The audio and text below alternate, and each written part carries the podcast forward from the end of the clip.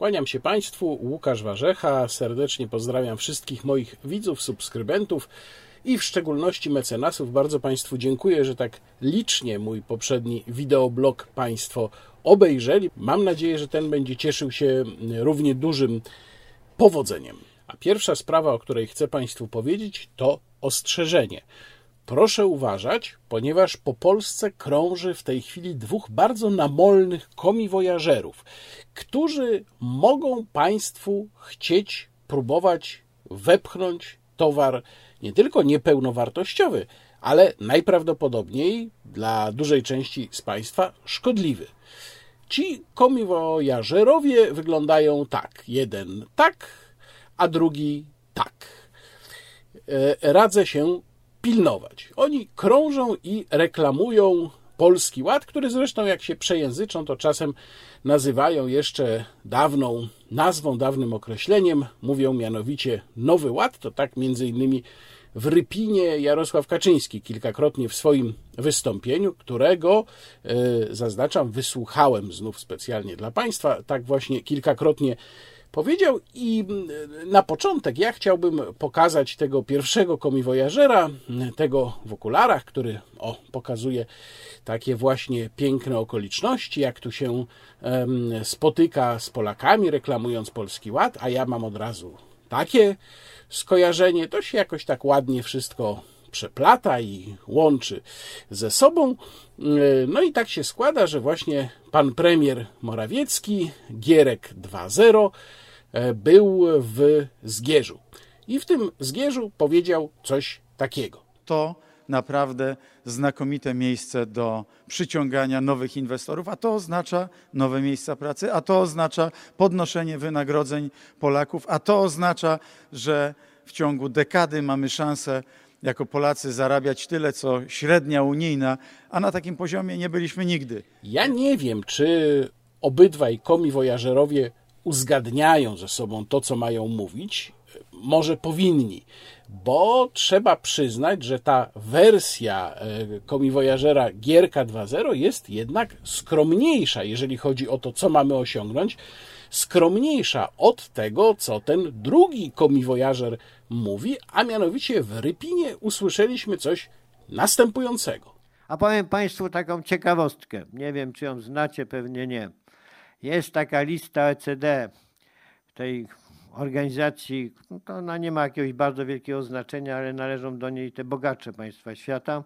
No i trzeba spełniać także inne warunki. Lista płac, ale według siły nabywczej. Bo nie sądźcie Państwo, że jak ktoś zarabia 1000 dolarów, to znaczy, że zarabia 3700 zł. Jeżeli chodzi o to, co może za to kupić, czyli siłę nabywczą, zarabia 2000 góra. Krótko mówiąc, wedle siły nabywczej, bo to tak się liczy, bo to jest jedyne racjonalne liczenie, Polska już jest nie na takiej niskiej pozycji, jeżeli chodzi o płacę. 32 tysiące rocznie dolarów wynosi w Polsce przeciętna roczna płaca. Otóż, szanowni państwo, kto jest przed nami? No to prawda jest różnica 6 tysięcy dolarów, ale bezpośrednio nad nami kto jest? Japonia. A przypominajcie sobie, proszę państwa, kto mówił o Japonii w Polsce. A kto ją zrealizował?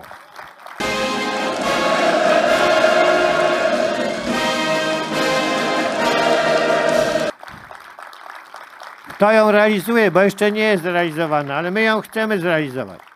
Japonia od 30 lat prawie stoi w miejscu, a my idziemy do przodu. To mnie bardzo zainteresowało. O jakim tu indeksie mówi Jarosław Kaczyński? Bo jedyny indeks, który odwołuje się do siły nabywczej, który ja znam, bo ja nie mówię, że wszystko znam. Być może ja jakiegoś indeksu nie kojarzę lub nie potrafię go znaleźć, ale jedyny indeks OECD, bo to właśnie o OECD mówił Jarosław Kaczyński, jedyny indeks, jaki znam, który się odwołuje do siły, siły nabywczej, to jest indeks tak zwanej PPP, Purchasing Power Parity, ale on polega na czymś innym. Tam nie tyle porównuje się siłę nabywczą poszczególnych średnich wynagrodzeń, bo rozumiem, że o tym tu Jarosław Kaczyński mówił, e, sygnalizując, że jesteśmy tuż za Japonią, ale wskazuje się raczej, jaka suma miejscowej waluty jest potrzebna na zakup tego samego koszyka dóbr. E, jak powiadam, mówiąc w uproszczeniu, bo tworzenie indeksu PPP jest dosyć skomplikowane. No ale postanowiłem się przyjrzeć temu, co mówi Jarosław Kaczyński, sygnalizując, że tak jesteśmy zaraz za Japonią i tłumacząc trochę pokrętnie, bo Jarosław Kaczyński w sprawach ekonomicznych to się tak średnio porusza.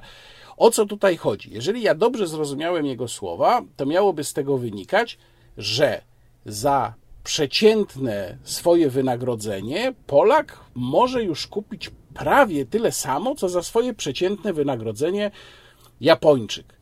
E, oczywiście biorąc pod uwagę różnice cen w Polsce i w Japonii poszczególnych artykułów. I zrobiłem sobie takie porównanie z czystej ciekawości, które Państwu teraz mm, zaprezentuję. Otóż w 2020 roku y, średnie miesięczne wynagrodzenie w Japonii to było tak mniej więcej 307 tysięcy jenów, trochę powyżej 300 tysięcy jenów. Tam się różne liczby pojawiają, ale to jest najwyżej rozbieżność kilku tysięcy jenów, czyli to jest około, uwaga, 10 700 złotych. Jak rozumiem, mówimy tutaj o wynagrodzeniu brutto, tak samo w Japonii, jak i w Polsce, gdzie to wynagrodzenie ostatnio wynosiło 5600 zł, ale właśnie pamiętajmy, że brutto. No, dla uproszczenia przyjmijmy, że mówimy o całym wynagrodzeniu, czyli właśnie brutto. To jest oczywiście daleko idące uproszczenie, bo jak wiemy, koszty pracy w Polsce są wysokie, więc te 5600 zł to tam wychodzi 3000 z jakimś małym kawałkiem tak naprawdę, a jeszcze mówimy tu o średniej, a nie o medianie, ale to wszystko dla pewnego uproszczenia. Y, porównałem sobie kilka produktów w Polsce i w Japonii. No i tak, mm, kilogram wołowiny Średnio oczywiście, bo te ceny wiadomo będą się różnić w zależności od tego, czy kupujemy w mieście, w centrum miasta, na peryferiach, na wsi i tak dalej, więc biorę pewną średnią. Otóż kilogram wołowiny w Japonii kosztuje 2200 jenów, czyli za jedno przeciętne swoje e, wynagrodzenie Japończyk może kupić 140 kg wołowiny za jedno miesięczne wynagrodzenie.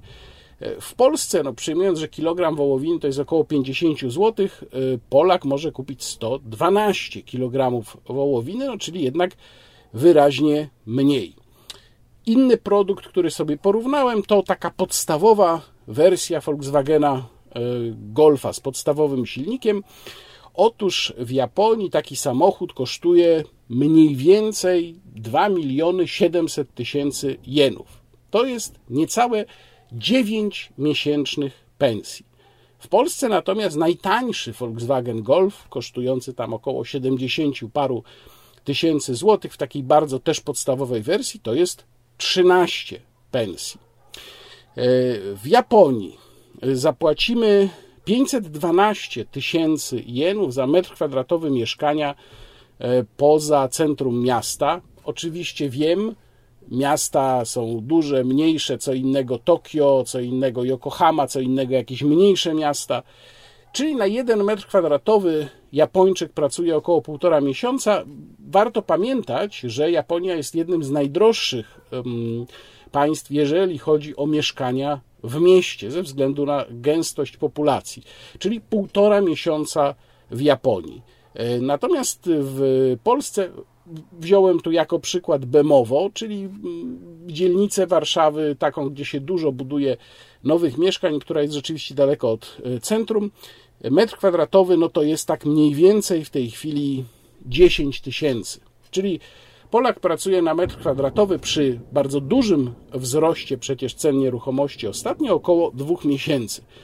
W Japonii, przypomnę, półtora miesiąca za mieszkanie poza centrum, w Japonii, gdzie ceny nieruchomości są jednymi z najwyższych na świecie. No i jeszcze jeden produkt, który porównałem. E, telefon komórkowy Xiaomi Redmi Note 10. W Japonii to jest cena mm, około 30,5 tysiąca jenów, czyli to jest mniej więcej jedna dziesiąta miesięcznego wynagrodzenia. W Polsce to jest cena około tysiąca złotych, czyli jedna piąta miesięcznego wynagrodzenia, a więc znacznie więcej, dwa razy więcej. To, co Państwu tutaj przedstawiłem, to jest oczywiście bardzo zgrubne porównanie, ale mam nadzieję, że dobrze odczytałem tutaj intencje Jarosława Kaczyńskiego, o co mu w tej sprawie chodziło. No nijak mi nie wychodzi, żeby Polska była tutaj tuż za Japonią, ale może ja jestem gorszym fachowcem ekonomicznym niż Jarosław Kaczyński, który przecież wczytywał się w Piketty'ego, jak Państwo pamiętają. No dobrze, ale nie skupiajmy się tylko na tym fragmencie wystąpienia Jarosława Kaczyńskiego w Rypinie, bo tam było jeszcze parę innych całkiem interesujących miejsc. I tu, jeśli Państwo pozwolą, to zaprezentuję teraz dłuższy fragment wypowiedzi Jarosława Kaczyńskiego. Proszę mi to wybaczyć, ale też proszę uważnie posłuchać. By Polska nie tylko szła do przodu w sensie wielkości produkcji, wielkości PKB, czyli dochodu na głowę, mówiąc w takim uproszczeniu, ale także, żeby ta gospodarka się unowocześniała. Bo jeżeli nie będzie nowoczesna, jeżeli nie będzie innowacyjna, no to po prostu nie ma szans. Tylko takie gospodarki dzisiaj na świecie mają szansę. Trzeba wykorzystywać polskie głowy i wspierać je, te dobre głowy, a także i na to też są ulgi, ściągać takich ludzi z zagranicy. My mamy na to szansę. My nie chcemy oczywiście nikogo rabować. Sama Polska jest niestety rabowana z bardzo zdolnych ludzi. Polacy na przykład są w czołówce światowej, jeżeli chodzi o te wszystkie konkursy informatyczne. Kto się liczy? Chińczycy się liczą, Amerykanie się liczą, Rosjanie się liczą, Izraelczycy się liczą i Polacy się liczą. I my jesteśmy w tej pierwszej piątce na trzecim miejscu. Naprawdę dobre miejsce, biorąc pod uwagę, ile jest Chińczyków, a ile jest Polaków, ile jest Amerykanów, a ile jest Polaków.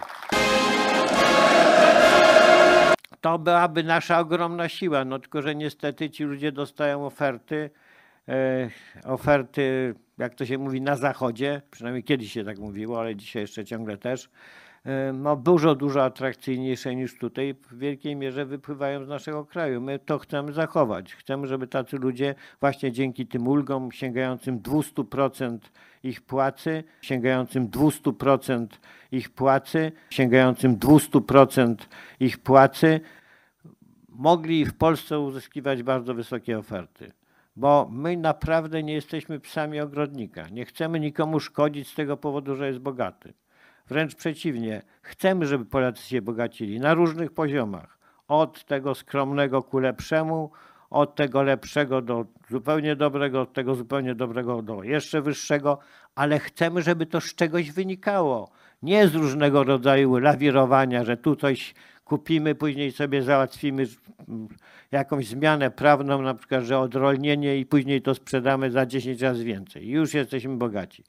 To nie jest dobry sposób. My chcemy, żeby Polska się bogaciła tymi sposobami, które naprawdę będą bogaciły nas wszystkich. Będą bogaciły nas wszystkich. I proszę Państwa, tak, rzeczywiście, ta grupa najlepiej zarabiających menadżerów najbogatszych ludzi, także spośród przedsiębiorców, będzie musiała sprawiedliwie płacić składkę na służbę zdrowia. No bo gdzie jest, proszę Państwa, jakiekolwiek rozsądne uzasadnienie tego, że człowiek, który ma 4 tysiące miesięcznie, ma płacić tą całą składkę, a ten, kto ma 40 albo 140 tysięcy miesięcznie, ma płacić tyle samo albo mniej od tego biednego a później on się często leczy w prywatnych e, zakładach lekarskich, w prywatnych klinikach. Tylko, że jak tam dojdzie do czegoś cięższego, jak się operacja nie uda, albo jest coś bardzo skomplikowanego, to gdzie ten człowiek ląduje? W szpitalu państwowym. Tam jest ratowany. Tego rodzaju zabiegi często kosztują naprawdę grube pieniądze, także w milionach. No i na jakiej zasadzie takiemu człowiekowi za leczenie mają płacić ludzie przeciętnych albo i nawet skromnych zarobków. Przecież to nie ma, powtarzam, ani moralnego, ani żadnego innego uzasadnienia.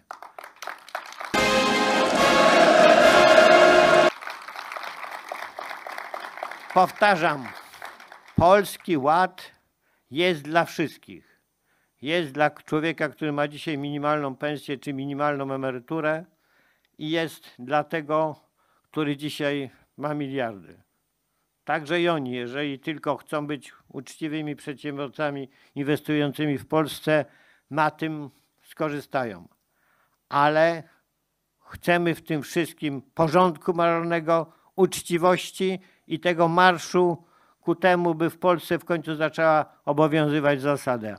Tak, można, trzeba się bogacić, ale za coś. Za pomysł, za ciężką pracę, za innowacje, za dobre działanie dla innych, bo będą także ulgi za sponsoring, za wspieranie sportu, za wspieranie zabytków.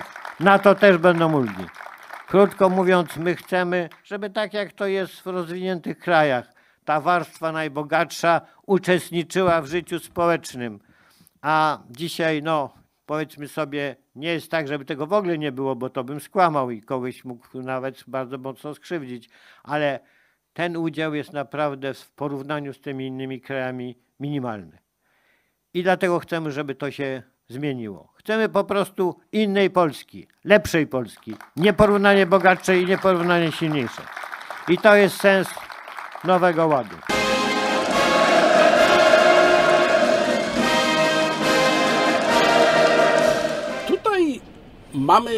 Całkowity brak powiązania dwóch rzeczy, o których Jarosław Kaczyński mówi, a których w związku ze sobą najwyraźniej nie rozumie. To znaczy, z jednej strony mówi o tym, że musimy być innowacyjni, a żeby być innowacyjni, musimy zatrzymać u siebie ludzi, którzy tę innowacyjność wytwarzają, a więc specjalistów. Ba, no musimy spowodować, żeby im się chciało nawet wracać z zagranicy. To jest ten motyw, który się ostatnio też w wypowiedziach Mateusza Morawieckiego pojawiał. No ale jednocześnie Jarosław Kaczyński mówi o tym, że ci bogatsi, a specjaliści należą do najlepiej zarabiających zawodów, muszą sprawiedliwie płacić składkę zdrowotną. Sprawiedliwie, czyli proporcjonalnie do swojego wynagrodzenia. No to, panie prezesie, czegoś ja tu nie rozumiem. Znaczy, chce pan przyciągnąć ludzi e, do Polski, czy zatrzymać ich w Polsce, jednocześnie mówiąc im, ale zapłacicie większe podatki. E, być może Jarosław Kaczyński po prostu nie wie, jakie są wynagrodzenia specjalistów, nie wie, że to jest grupa najlepiej zarabiająca. Nie mam pojęcia, może nikt mu tego nie powiedział.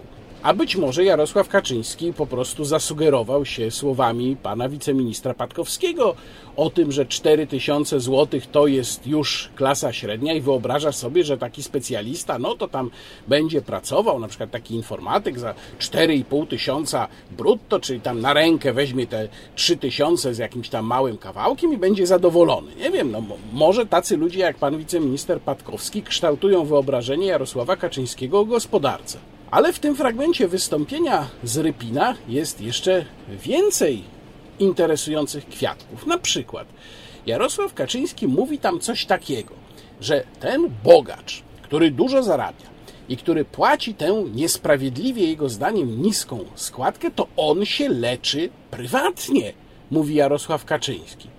No jeżeli się leczy prywatnie, to znaczy, że mniej korzysta z publicznej służby zdrowia mniej korzysta z publicznej służby zdrowia niż ktoś, kto jest uboższy, kogo nie stać na leczenie w prywatnej służbie zdrowia, na przykład na abonament w którejś z prywatnych sieci, czyli ten uboższy e, tak naprawdę wykorzystuje służbę zdrowia publiczną znacznie więcej niż ten bogatszy. Więc tutaj nie widzę uzasadnienia, dla którego bogatszy miałby płacić wyższą składkę. Jeżeli już, to raczej przeciwnie, powinien płacić składkę mniejszą, na przykład pomniejszoną o to, co płaci na prywatną służbę zdrowia. I dalej Jarosław Kaczyński mówi jeszcze coś takiego, że potem jak się tam coś nie uda, to taki ktoś trafia do publicznego szpitala. No, pewnie takie sytuacje się zdarzają, nie mówię, że nie. Ale jeżeli się tego używa jako argumentu, żeby zmienić obciążenie de facto podatkowe ogromnej grupy obywateli, to należałoby chyba pokazać jakieś dane na ten temat. Na przykład pokazać, ile osób o zarobkach powyżej średniej leczy się prywatnie i w jakim stopniu oni odciążają publiczną służbę zdrowia, lecząc się prywatnie, a także pokazać, jaka grupa, jak duża grupa tych ludzi w przypadkach niektórych, wyjątkowo trudnych, trafia właśnie na leczenie do publicznej służby zdrowia. Ale tego ani rząd, ani sam naczelnik oczywiście nie zrobili, nie pokazali nam takich danych. Jednak na tym nielogiczności w tym fragmencie wystąpienia się nie kończą, bo przecież jeżeli zabieg czy leczenie jakieś skomplikowane w publicznej służbie zdrowia no, kosztuje tyle samo w przypadku kogoś, kto płaciłby składkę bardzo dużą, proporcjonalnie do swoich dochodów, i kogoś, kto płaciłby składkę znacznie mniejszą, czyli kogoś uboższego. To dlaczego Jarosław Kaczyński uważa, że ten ktoś bogatszy powinien płacić wyższą składkę, skoro jego leczenie będzie kosztowało, dajmy na to, 50 tysięcy złotych, dokładnie tak samo jak leczenie kogoś, kto płaci składkę minimalną? Przecież te leczenia się nie różnią. Przecież takie samo leczenie przysługuje i komuś bogatemu w publicznej służbie zdrowia, i komuś ubogiemu, przynajmniej teoretycznie. Więc dlaczego Jarosław Kaczyński uważa, że płacenie przez kogoś bogatszego niższej składki zdrowotnej jest nie w porządku? Tego kompletnie nie rozumiem. Jeżeli rząd chciałby wprowadzić, chce wprowadzić w Polskim Ładzie wyższe, proporcjonalne składki zdrowotne, czyli de facto opodatkowanie na służbę zdrowia dla lepiej zarabiających, to proszę bardzo, ale logiczną konsekwencją tego powinno być, że będą im przysługiwały w służbie zdrowia publicznej większe prawa. Na przykład będą mieli lepsze sale, albo prawo do specjalnej opieki medycznej w domu, no, czy coś takiego. W przeciwnym wypadku to zróżnicowanie składek, o którym Jarosław Kaczyński mówi jako o rozwiązaniu jedynie sprawiedliwym, nie ma żadnego uzasadnienia. No i jeszcze jedno, co tam ciekawego pada z ust Jarosława Kaczyńskiego, mianowicie on mówi w pewnym momencie, że chcemy, żeby taki system był, żeby ludzie bogacili się za coś wreszcie. To znaczy, że do tej pory, zdaniem Jarosława Kaczyńskiego, jeżeli ktoś się bogacił, to bogacił się za nic, bez powodu, e, wyłącznie na zasadzie spekulacji?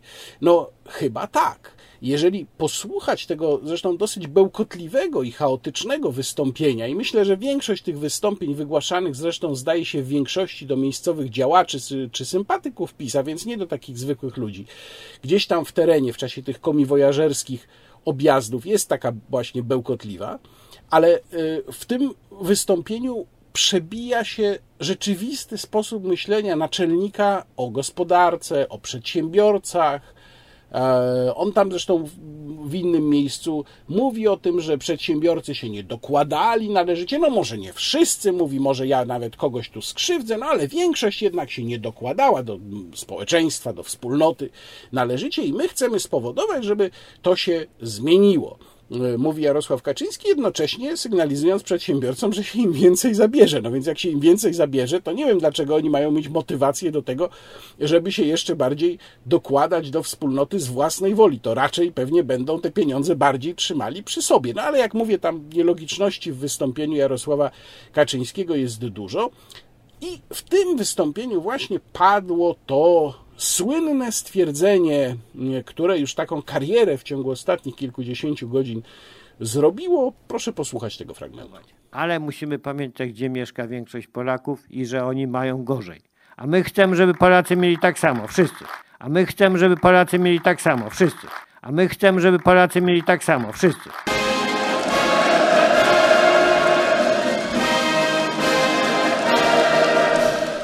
Pojawiły się zarzuty, że to te słowa o tym, że chcemy, żeby wszyscy mieli tak samo, są wyjęte z kontekstu.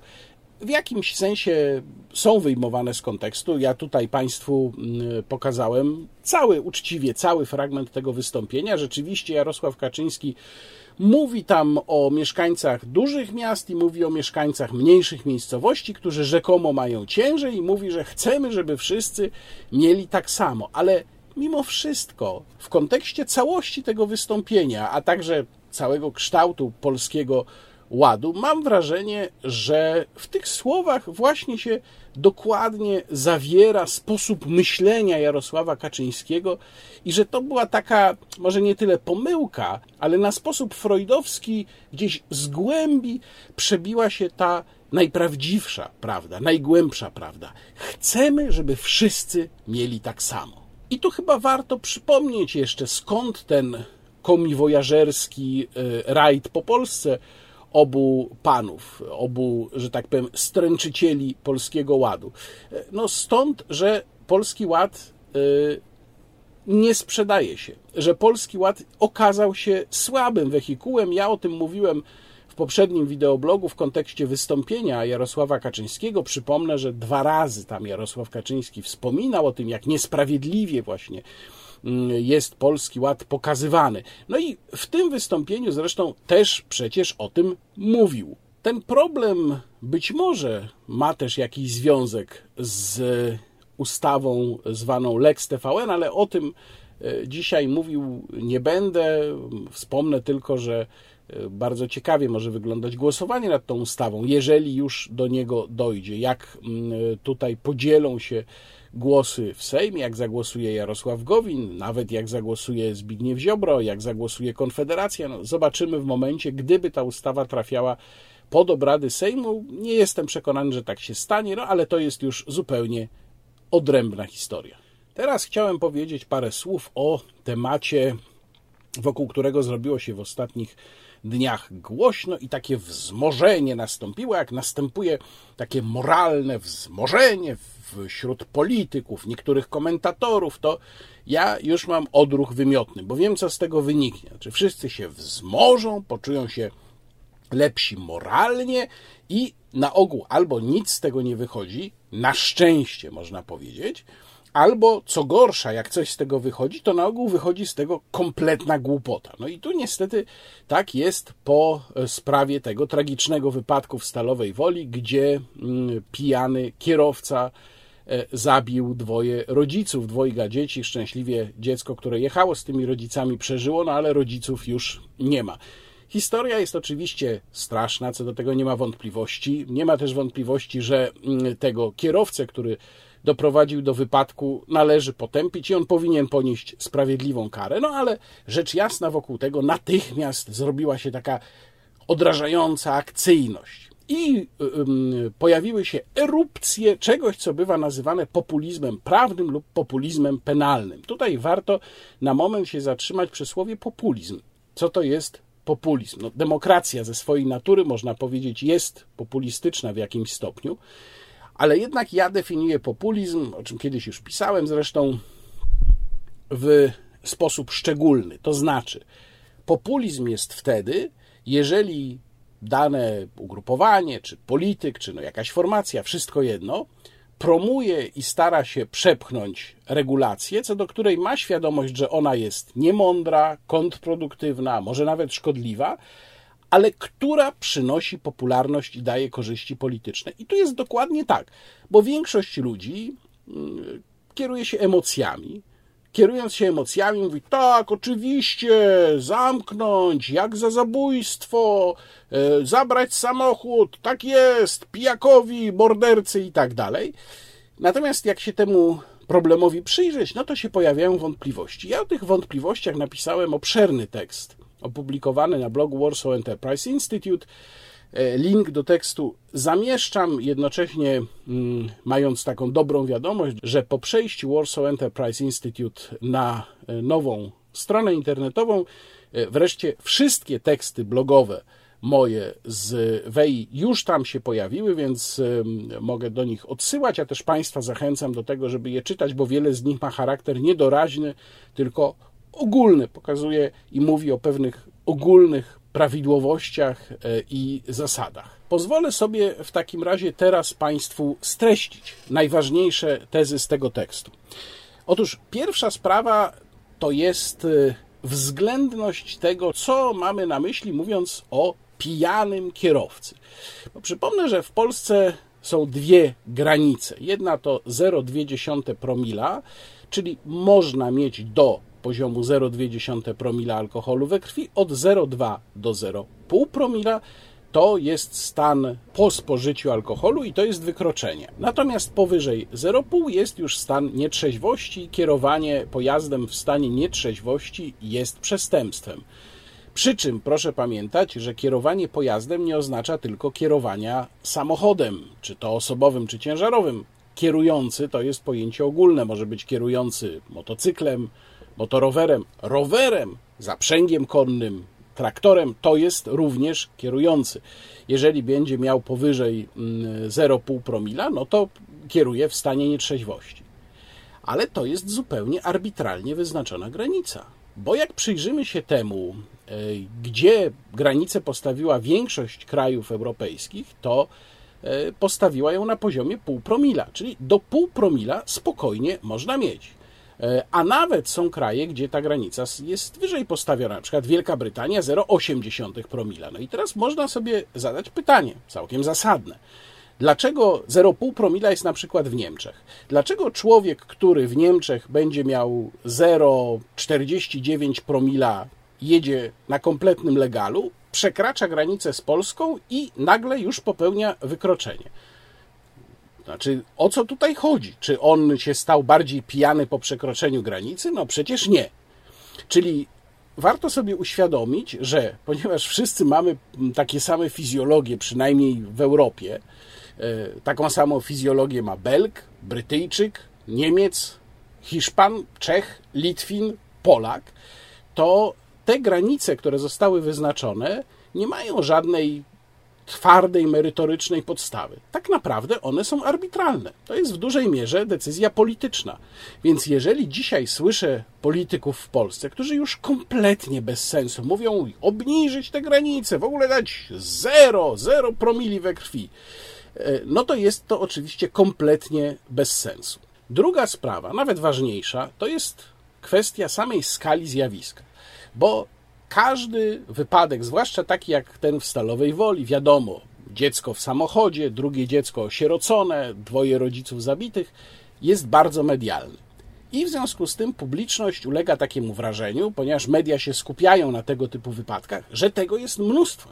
Plaga pijanych kierowców.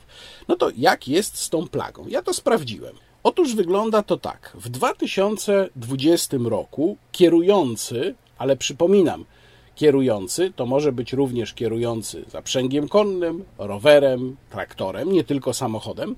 Kierujący będący pod wpływem alkoholu, warto pamiętać, że określenie pod wpływem alkoholu obejmuje już tych, którzy mają na przykład 0,2 promila, czyli w wielu krajach Europy w ogóle nie byliby uważani za popełniających jakiekolwiek wykroczenie o przestępstwie, nie mówiąc, a policja wrzuca to w polskich statystykach do jednego worka. Otóż kierujący pod wpływem alkoholu spowodowali 1656 wypadków z ogólnej liczby, uwaga, 23 540 wypadków. Co oznacza, że spowodowali około 7% wypadków. Spowodowali też śmierć 216 osób z ogólnej liczby 2491 ofiar, czyli około 8% z ogólnej liczby ofiar. Czy tutaj można w ogóle mówić o jakiejkolwiek pladze? To nawet nie jest 10%. To oczywiście nie znaczy, że problemu nie ma, ale racjonalnie rzecz biorąc, koncentrowanie się w tej chwili na sprawie, która tak naprawdę jest marginalna i którą można by rozwiązać, o tym za chwilę powiem, koncentrując się na już istniejących regulacjach, jest bez sensu. Jeszcze jedna sprawa, jeżeli chodzi tutaj o alkohol. Wydaje mi się, że ważna. Napisałem to zresztą w swoim tekście. Otóż, żeby tak naprawdę stwierdzić, czy wypity alkohol w danym zdarzeniu miał znaczenie. Powiedzmy, że ktoś miał 0,21 alkoholu we krwi, to są często osoby skacowane po poprzednim dniu. To trzeba by tak naprawdę przejrzeć akta każdej ze spraw, w której sprawcą, ewentualnie osobą, która doprowadziła do czyjejś śmierci, był właśnie kierowca pod wpływem alkoholu, jak to określa policja. I wtedy mogłoby się okazać, że w dużej części tych spraw biegli doszli do wniosku, że nie, ten wypity alkohol tak naprawdę nie miał żadnego znaczenia. Więc pewnie jeszcze jakaś część tych spraw by nam odpadła, a też przypominam, że jeżeli mówimy o ofiarach, no to oczywiście wśród ofiar mogą być również sami sprawcy. Czyli problem jest przez media sztucznie, absolutnie sztucznie wyolbrzymiany. Warto też pamiętać, że następuje już od dawna systematyczny spadek liczby wypadków w Polsce. E, w ciągu 10 lat e, liczba wypadków w Polsce spadła o ponad 41 punktów procentowych, czyli od ponad 40 tysięcy w 2011 do 23,5 tysiąca obecnie. Liczba ofiar podobnie, spadek o 40,5 punktu procentowego, czyli od 4189 w 2011 do 2491 w 2020.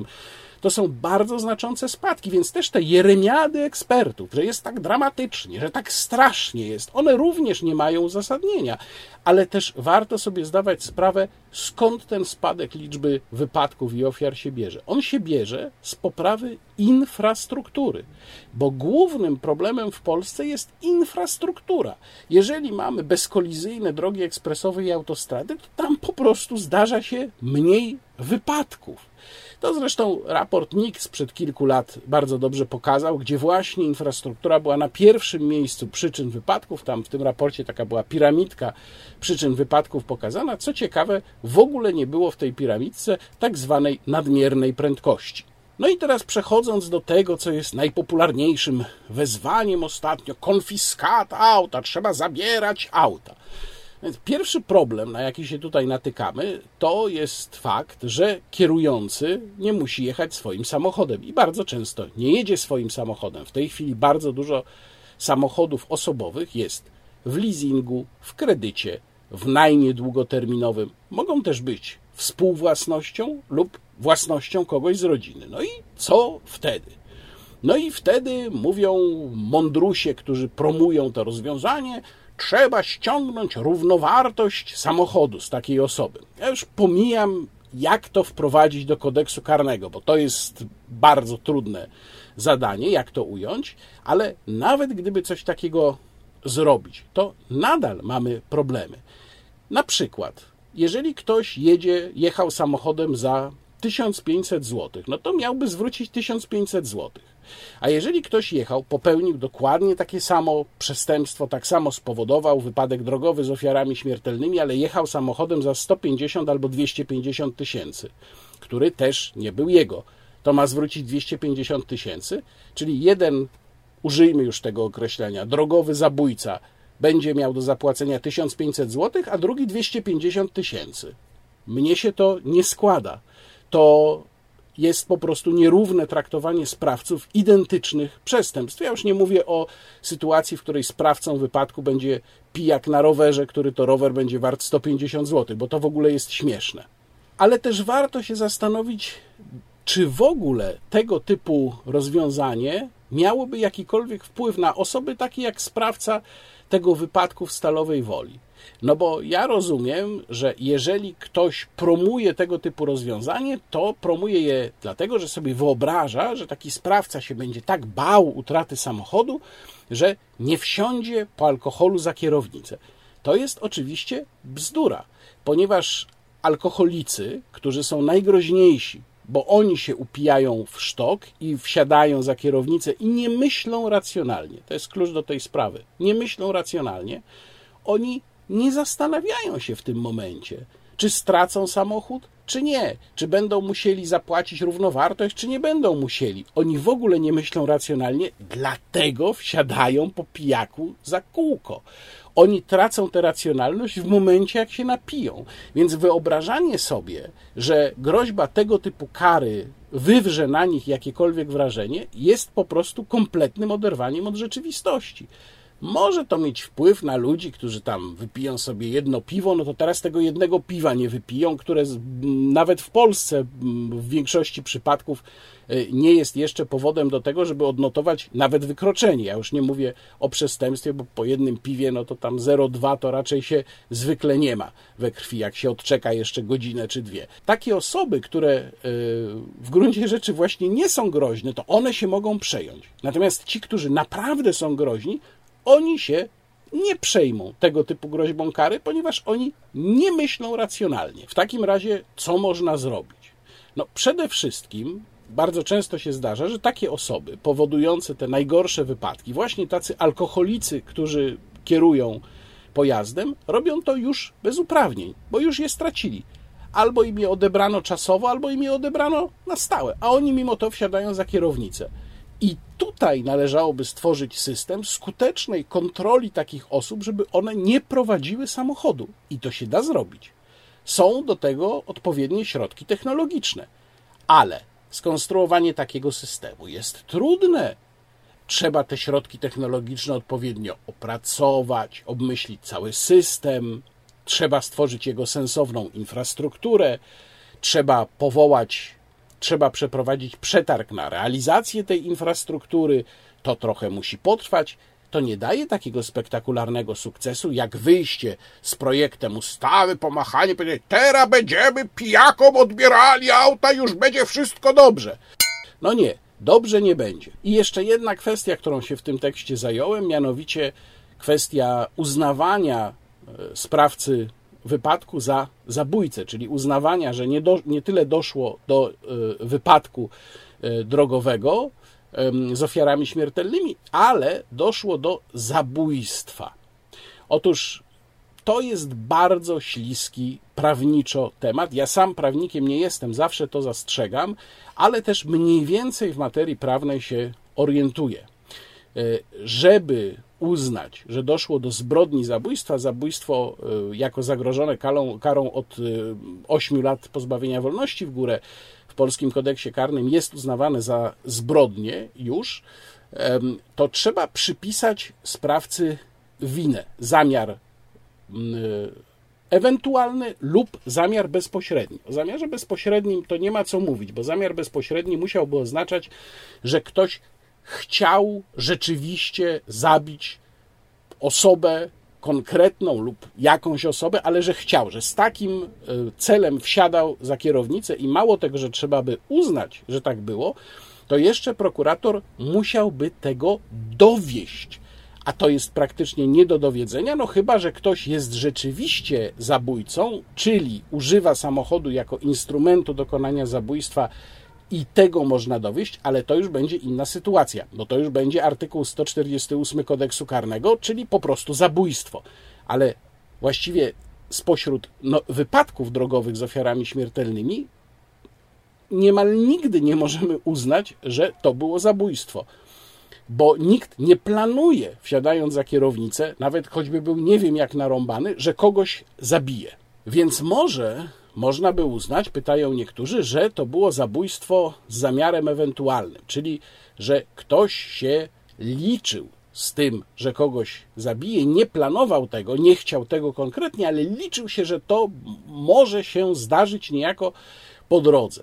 Ale to też jest bardzo trudne do udowodnienia, bo ja przypominam, że przed polskimi sądami na szczęście nie ma jeszcze możliwości podawania takiej argumentacji, że ale przecież musiał wiedzieć. Nie no, jednak prokurator, jak chce uzyskać satysfakcjonujący go wyrok, to musi sądowi udowodnić, że oskarżony robił to lub to, że miał taki lub taki zamiar.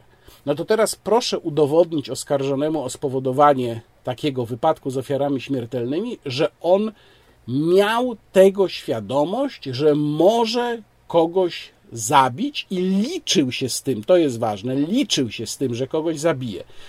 Być może są takie wypadki, w których można takie oskarżenie postawić i go dowieść. Wyjątkowe wypadki. Takie, gdzie ktoś na przykład rozmawiał z kimś przed spowodowaniem tego wypadku i mówił mu, a mnie to nic nie obchodzi, jadę, jak kogoś zabiję, to zabiję, nieważne. No, gdyby było takie zeznanie świadka, to być może, być może, ale też mam wątpliwości, dałoby się tutaj dowieść zabójstwa w zamiarze ewentualnym, to już zostawiam prawnikom, czy tak, czy nie. W każdym razie mówię o tym po to, żeby Państwu pokazać, że to nie są proste sprawy. To nie jest tak łatwo z punktu widzenia polskiego prawa karnego powiedzieć, o pik, przecież to zabójstwo. A zatem moja konkluzja jest taka: nie dajmy się wciągnąć w ten prawny populizm, nie tylko w tej sprawie, w żadnej innej sprawie, bo prawnego populizmu niestety mamy dzisiaj aż za dużo. A skoro o prawnym populizmie mowa, to z innej beczki mamy uchwałę Rady Miasta Warszawy, która postanowiła mm, postawić tamę samochodom antyaborcyjnym, tym, y, o które wielokrotnie były awantury, gdzie pisano w gazecie stołecznej, że doszło do obywatelskiego zatrzymania. Przypominam, że w polskich przepisach, czyli w kodeksie postępowania karnego, tudzież w kodeksie postępowania w sprawach o wykroczenia, bo tutaj też może coś takiego zajść, nie ma czegoś takiego jak zatrzymanie obywatelskie, jest ujęcie obywatelskie, które może mieć miejsce pod warunkiem, między innymi, że nie można będzie w przyszłości ustalić tożsamości sprawcy lub że sprawca się ukryje. No, w żadnym przypadku dotyczącym y, furgonetek antyaborcyjnych takiego zagrożenia nie było, więc wszystkie te akty nazywane zatrzymaniem obywatelskim, a podciągane nieudolnie pod ujęcie obywatelskie, były bezprawne. Ale Rada Warszawy postanowiła pokazać swoją najwyższą niekompetencję i sporządziła taką uchwałę, skarżąc się zresztą natychmiast, tam mm, platformerscy radni się skarżyli, że ojej, wojewoda to zaraz oczywiście uchyli. No oczywiście, że uchyli, bo jak się wysmaża kretyńską uchwałę, która nijak się nie ma do podstawowych zasad prawa, a także do ochrony wolności słowa, no to jasne, że wojewoda musi to uchylić. I tu chciałbym Państwu przeczytać paragraf pierwszy tej uchwały, bo ja przyznam się Państwu, takiego bełkotu dawno w żadnym akcie prawnym nie widziałem, nawet w aktach prawnych uchwalanych przez naszą kochaną władzuchnę. Przypomnę tylko dla porządku, że uchwały rad gmin są obowiązującym prawem pod warunkiem oczywiście, że nie są sprzeczne z prawem wyższego rzędu. Więc jeżeli jakiś samorząd uchwala uchwałę, która jest sprzeczna z prawem wyższego rzędu, no to tak jak na przykład zrobił y, słynny y, samorząd wałbrzyski, uchwalając tę uchwałę, ja o tym mówiłem w jednym z wideoblogów wcześniej, y, o obowiązkowych szczepieniach. Było to w oczywisty sposób sprzeczne z prawem wyższego rzędu, w związku z czym uchwała była no, do natychmiastowego uchylenia przez wojewodę. I tutaj mamy coś takiego zakazuje się poruszania na obszarze miasta stołecznego Warszawy pojazdami oklejonymi zdjęciami, napisami, plakatami, banerami lub transparentami zawierającymi lub emitującymi za pomocą urządzeń nagłaśniających treści mające na celu ukazanie osoby, grupy osób, instytucji, osoby prawnej lub jednostki organizacyjnej nie mającej osobowości prawnej w sposób nieprawdziwy, a zarazem obraźliwy, ośmieszający lub poniżający w oczach opinii publicznej, a także sugerujący popełnianie przez te osoby czynów uznanych za przestępstwa lub wykroczenia na mocy powszechnie obowiązujących przepisów prawa. Uff. Jest to, proszę Państwa, kompletny absurd. Jest w tej uchwale kilka punktów, które nie wytrzymują najprostszej krytyki. Mianowicie, pierwsza, pierwsza wątpliwość pojawia się w momencie, e, kiedy spojrzymy na fragment następujący. Treści mające na celu ukazanie osoby i tak dalej, i tak dalej, w sposób nieprawdziwy. Co to znaczy treści mające na celu ukazanie kogoś w sposób nieprawdziwy? Pierwsza kwestia to sformułowanie mające na celu. Kto będzie oceniał, czy jaki jest cel danej akcji? To jest pierwsze pytanie. Druga kwestia to jest pytanie o pojęcie nieprawdziwości. Nieprawdziwe lub prawdziwe mogą być fakty. Natomiast kiedy mówimy o różnego rodzaju hasłach, sloganach, to mówimy o pewnych opiniach, mówimy o nakłanianiu, namawianiu mm, ludzi do podjęcia danej akcji lub jej zaniechania. Nie możemy tutaj mówić o nieprawdziwości. Jeżeli natomiast mówilibyśmy o nieprawdziwości, no to należałoby pokazać jakieś twarde fakty i twarde kryteria. Nie możemy na przykład uznać stwierdzenia aborcja jest zabójstwem za nieprawdziwe, ponieważ nie mówimy tu o faktach, mówimy tu o etycznej i moralnej ocenie działania, jakim jest aborcja. A więc nie możemy tu mówić o prawdziwości lub nieprawdziwości. I już samo to by wystarczyło, żeby tę uchwałę wyrzucić do kosza. Ale dalej czytamy jeszcze a zarazem w sposób, w sposób nieprawdziwy, a zarazem, a zarazem, czyli rozumiem, że no, zgodnie z interpretacją tekstów prawnych, te dwie rzeczy muszą zachodzić łącznie, czyli musi być ta rzekoma domniemana nieprawdziwość i jednocześnie musi być to sposób obraźliwy, ośmieszający lub poniżający w oczach opinii publicznej. Kto będzie oceniał, co jest obraźliwe? Kto będzie oceniał, co jest ośmieszające i właściwie dlaczego coś nie może być ośmieszające? Przecież ośmieszenie kogoś to, to jest jeden ze sposobów dyskusji, jeden ze sposobów działania w sferze publicznej. Ja wielokrotnie w moim wideoblogu ośmieszam różne osoby lub przedsięwzięcia. Lub poniżający w oczach opinii publicznej. I tu znów mamy pytanie. Co to znaczy w oczach opinii publicznej, czyli kogo? Czyli jak ktoś ma stwierdzić, że ta uchwała została naruszona. To znaczy, że mamy zrobić badania opinii publicznej, z których wyjdzie, czy dana, dany baner lub transparent kogoś w oczach tej opinii publicznej ośmieszył lub poniżył, gdzie robimy te badania opinii publicznej, kto za nie płaci i tak dalej. No, naprawdę, ja, może Państwo mają wrażenie, że ja dzielę włos na czworo, ale to jest akt prawny. Tutaj wszystko powinno być jasne i precyzyjne, a tymczasem to jest jakaś publicystyka. I dalej mamy stwierdzenie sugerujące popełnianie przez te osoby czynów uznanych za przestępstwa lub wykroczenia na mocy powszechnie obowiązujących przepisów prawa. Sugerujący, co to jest sugerujący? To znaczy, ktoś będzie oceniał, czy dany transparent, hasło, slogan coś sugeruje. Kto będzie tym oceniającym, jaka z tego płynie sugestia. No i wreszcie, jeżeli mm, jakaś, jakaś osoba czy organizacja czuje się pomówiona, to może dochodzić swoich racji albo korzystając z kodeksu karnego, albo korzystając z kodeksu cywilnego. Nie jest do tego potrzebna uchwała miasta, Rady Miasta Stołecznego Warszawy. A zatem y, ta uchwała powinna trafić do kosza i mam nadzieję, że trafi do kosza jak najprędzej, również z tego powodu, że jakkolwiek może się to komuś bardzo nie podobać, a wiem też, że są osoby również po stronie konserwatywnej, które uważają te um, samochody antyaborcyjne y, za przesadę, nie solidaryzują się z tą akcją. Natomiast to jest kwestia wolności słowa. I ta uchwała, poza tym, że jest koszmarnie bełkotliwa i że jest po prostu publicystyczna, a nie spełnia kryteriów nawet najbardziej podstawowych aktu prawnego, to jeszcze do tego uderza po prostu w wolność słowa. Jeszcze o jednej sprawie chcę Państwu powiedzieć, która trochę zniknęła w tle mm, innych kwestii, a o której ja również napisałem tekst na blogu Warsaw Enterprise Institute i też załączam link w opisie filmu. To jest y, prezydencki projekt ustawy o odbudowie Pałacu Saskiego i Pałacu Bryla oraz mm, kamienic z tego założenia osi saskiej na placu Piłsudskiego w Warszawie.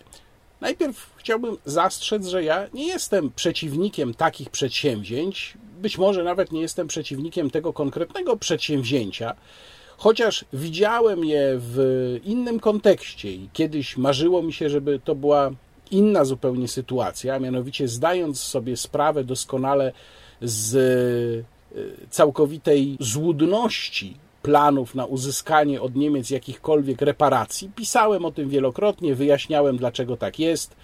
Pan poseł Mularczyk cynicznie na tej sprawie robi karierę, my żadnych reparacji od Niemiec nie uzyskamy. Natomiast wyobrażałem sobie, że podejmując z Niemcami dialog na temat wynagrodzenia przynajmniej częściowego krzywd, które ponieśliśmy w wyniku II wojny światowej. Ja przypomnę, że właśnie Pałac Saski został wysadzony w 1944 roku przez Niemców Pałac Bryla też, który był tuż obok. E, mianowicie wyobrażałem sobie, że można by na zasadzie takiego dialogu no, skłonić Niemców do tego, żeby partycypowali lub całkowicie sfinansowali to przedsięwzięcie, to konkretne przedsięwzięcie, a być może za tym również inne tego typu. E, no ale żeby coś takiego osiągnąć, trzeba by mieć z Berlinem normalne relacje polityczne, których to relacji politycznych oczywiście Polska dzisiaj nie ma, więc niestety ten mój pomysł, to moje marzenie gdzieś tam można odłożyć lub e, wyrzucić do kosza. Natomiast dostaliśmy tę ustawę. Przypomnę, że pan prezydent pierwszy raz o odbudowie Pałacu Saskiego i Bryla mówił 11 listopada 2018 roku. W roku stulecia odzyskania przez Polskę niepodległości, zresztą roku z moim zdaniem zmarnowanym kompletnie przez tę władzę. Mm, ja wtedy napisałem tekst w, do rzeczy o tej odbudowie. Ten tekst w obszernych fragmentach zacytowałem na blogu Wej i wtedy jednym z moich podstawowych oskarżeń było to, że ta zapowiedź pana prezydenta była bardzo niekonkretna. No to dzisiaj można powiedzieć, że jest konkret na prawie 100 stron, bo tyle ma ustawa z uzasadnieniem. Ja nie lubię tego typu ustaw, które mają dotyczyć jakiejś symbolicznej, e, ważnej sprawy, jeżeli się serwuje to na mm, prawie 100 stronach, w 57 artykułach, 100 stron to jest ustawa plus uzasadnienie, sama ustawa ma 57 artykułów, no to to, no ale tak mamy przeregulowane państwo, że jeżeli się chce takie przedsięwzięcie jakoś w ustawie ująć, to ona właśnie taka e, długa musi być. I w tej ustawie jest kilka punktów, które wywołują moje bardzo poważne zastrzeżenia. Pierwszy punkt to jest powołanie spółki celowej, która będzie miała swoją radę nadzorczą, będzie miała swój zarząd i ustawa mówi o tym, ile mają zarabiać ludzie, którzy będą siedzieli w tej radzie nadzorczej i w tym zarządzie.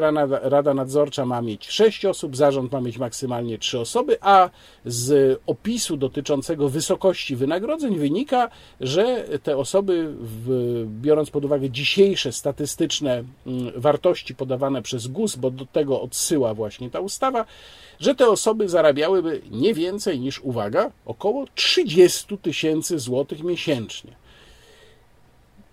mając doświadczenia sześciu lat rządów PiS i rzeczywiście niesamowicie rozbuchanego nepotyzmu oraz zatrudniania kumpli, bo nepotyzm, przypomnę, dotyczy najbliższej rodziny, a tu mamy do czynienia nie tylko z nepotyzmem, kiedy widzę tego typu regulacje i wyobrażam sobie, ile osób by mogło znaleźć ciepłe posady w takiej spółce celowej, bo rzecz jasna ta spółka to przecież nie tylko zarząd, prawda? No tam normalnie pracowaliby ludzie to jednak ręce opadają. To nie tak powinno wyglądać w przypadku takiego symbolicznego przedsięwzięcia. Powinno to zostać inaczej e, rozwiązane. Ta spółka, to przedsięwzięcie nie powinno być sposobem na dorobienie się czy zarobienie przez kogokolwiek dużych pieniędzy, a niestety tak to wygląda. Druga sprawa to jest ogromny koszt. W uzasadnieniu przewiduje się, że to będzie koszt około 2,5 miliarda złotych w ciągu 10 lat. Te 2,5 miliarda oblicza się dzisiaj, w momencie, kiedy po pierwsze e, budżet państwa jest bardzo naciągnięty, kiedy jest naciągnięty w zasadzie do granic wytrzymałości, a przypomnę jeszcze, że Najwyższa Izba Kontroli, która zrobiła nawet na ten temat ostatnio konferencję, wskazuje, jak wydatki państwa są wypychane z tego podstawowego budżetu do różnych agencji i funduszy. No to jest stały taki sposób na wypchnięcie części wydatków poza ten oficjalny bilans, a jeszcze mamy do czynienia z gigantycznym wzrostem cen materiałów, surowców, materiałów budowlanych, więc można powiedzieć, że jeżeli dzisiaj się liczy 2,5 miliarda, to pewnie byłoby to spokojnie 3 miliardy. I ta suma bardzo kontrastuje z wszelkimi szacunkami, jakie pojawiały się w tej sprawie wcześniej. Takie szacunki ja przytaczałem w swoim tekście z 2018 roku i tam wtedy była mowa o sumach rzędu no niespełna 700 milionów złotych. No to nawet biorąc pod uwagę inflację, biorąc pod uwagę ten wzrost cen materiałów, no gdyby to był miliard złotych, półtora miliarda, no jeszcze można by uznać, że okej, okay, to wynika właśnie z tych obiektywnych czynników. Ale wzrost z około szacowanych 700 milionów na 2,5 miliarda? Moim zdaniem trudno to uzasadnić, a też warto zauważyć, że uzasadnienie ustawy w ogóle nic o tym nie mówi. To znaczy w ogóle nie tłumaczy, skąd taka suma się bierze. No i wreszcie ostatnia moja wątpliwość, chyba najpoważniejsza, to ta, że ta władza, która od samego początku twierdziła, że sprawy tożsamościowe, sprawy pamięci, sprawy historyczne są dla niej tak niesamowicie istotne, nie poradziła sobie z dwiema fantastycznymi rocznicami, które przypadły akurat na czas jej rządów. Czyli po pierwsze, o tym już wspominałem przed momentem, z setną rocznicą odzyskania niepodległości. Gdyby nie wysiłek mnóstwa zwykłych ludzi na poziomie lokalnym, to te obchody byłyby po prostu żałosne. No i nie poradziła sobie również z setną rocznicą Bitwy Warszawskiej. Niedługo będziemy mieli 15 sierpnia, będziemy mieli kolejną rocznicę nieotwarcia Muzeum Bitwy Warszawskiej, e, którego otwarcie z kolei w, w takim kultowym twicie zapowiadał kiedyś pan minister Dworczyk i kolejną rocznicę nie odsłonięcia, ba, nawet nie rozpoczęcia budowy pomnika Bitwy Warszawskiej. Przypomnę, to już nie łuk, tylko świder teraz, ale nawet tego świdra nie zaczęto budować. Już sam nie wiem, czy to dobrze, czy to źle. W każdym razie władza, która położyła dwie takie znakomite, wybitne, wielkie, wspaniałe polskie rocznice, teraz ma się zabrać za odbudowę Pałacu Saskiego. No, przyznam szczerze, że ja jakoś uwierzyć w to za bardzo nie mogę. A jeszcze, żeby tradycji stało się zadość i żeby również to wydanie wideoblogu miało swój dział kulturalno-historyczny, turystyczny, chciałem Państwu parę słów powiedzieć e, w odniesieniu do, mojego, do mojej poprzedniej relacji z Suwalszczyzny, o tym, że byłem również w Sejnach. Tam w Sejnach e, byłem w takim małym, regionalnym muzeum prowadzonym przez e, samorząd to muzeum nie jest, powiedziałbym, wybitnie urządzone, natomiast jest tam rzeczywiście bardzo dużo ciekawych rzeczy, unikatów wręcz. Na przykład są oryginały listów królewskich, między innymi Jana III Sobieskiego do kamedułów w Sejnach. To są listy podpisane przez samego króla i to nie są kopie. Tam w gablotach naprawdę leżą oryginały tych listów. No a e, w jednej z e, sal e, tego muzeum można zobaczyć artefakty, zdjęcia, dokumenty związane z powstaniem sejneńskim.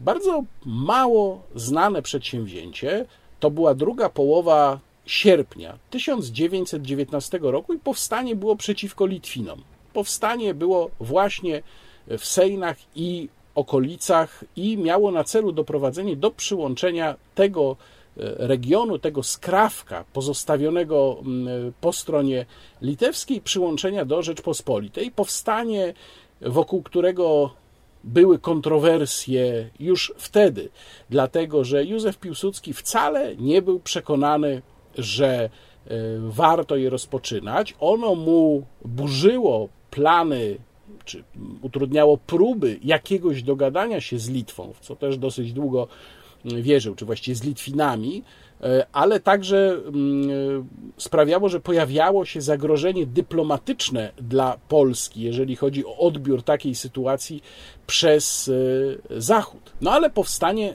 jednak wybuchło było prowadzone siłami żołnierzy Polskiej Organizacji Wojskowej, tam właśnie z Sejnęszczyzny i regionu i też kolejna ciekawostka, przez pewien czas był problem z uzyskaniem pomocy polskiego wojska, które stało tuż obok, za tak zwaną linią Fosza. E, I dopiero po pewnym czasie polskie wojsko włączyło się bardzo niechętnie do tego powstania. No ale powstanie ostatecznie okazało się zwycięskie. Tu Państwo widzą okładkę e, książki, z której dużo się o tym dowiedziałem. E, książka wydana w 2019 roku właśnie na rocznicę, setną rocznicę powstania sejneńskiego. Jeżeli będą Państwo na Suwalszczyźnie, to zachęcam, proszę pojechać do Sejn i tam warto w, to jest w Pałacu Biskupim, jest to muzeum, warto się tam przejść, e, zobaczyć te dokumenty, zobaczyć zdjęcia e, powstańców. Część z tych zdjęć znajdą Państwo również w tej książce, ona jest do kupienia w internecie, gdyby to Państwa interesowało. A ja na tym kończę, kłaniam się i jak zwykle do zobaczenia. Łukasz Warzecha.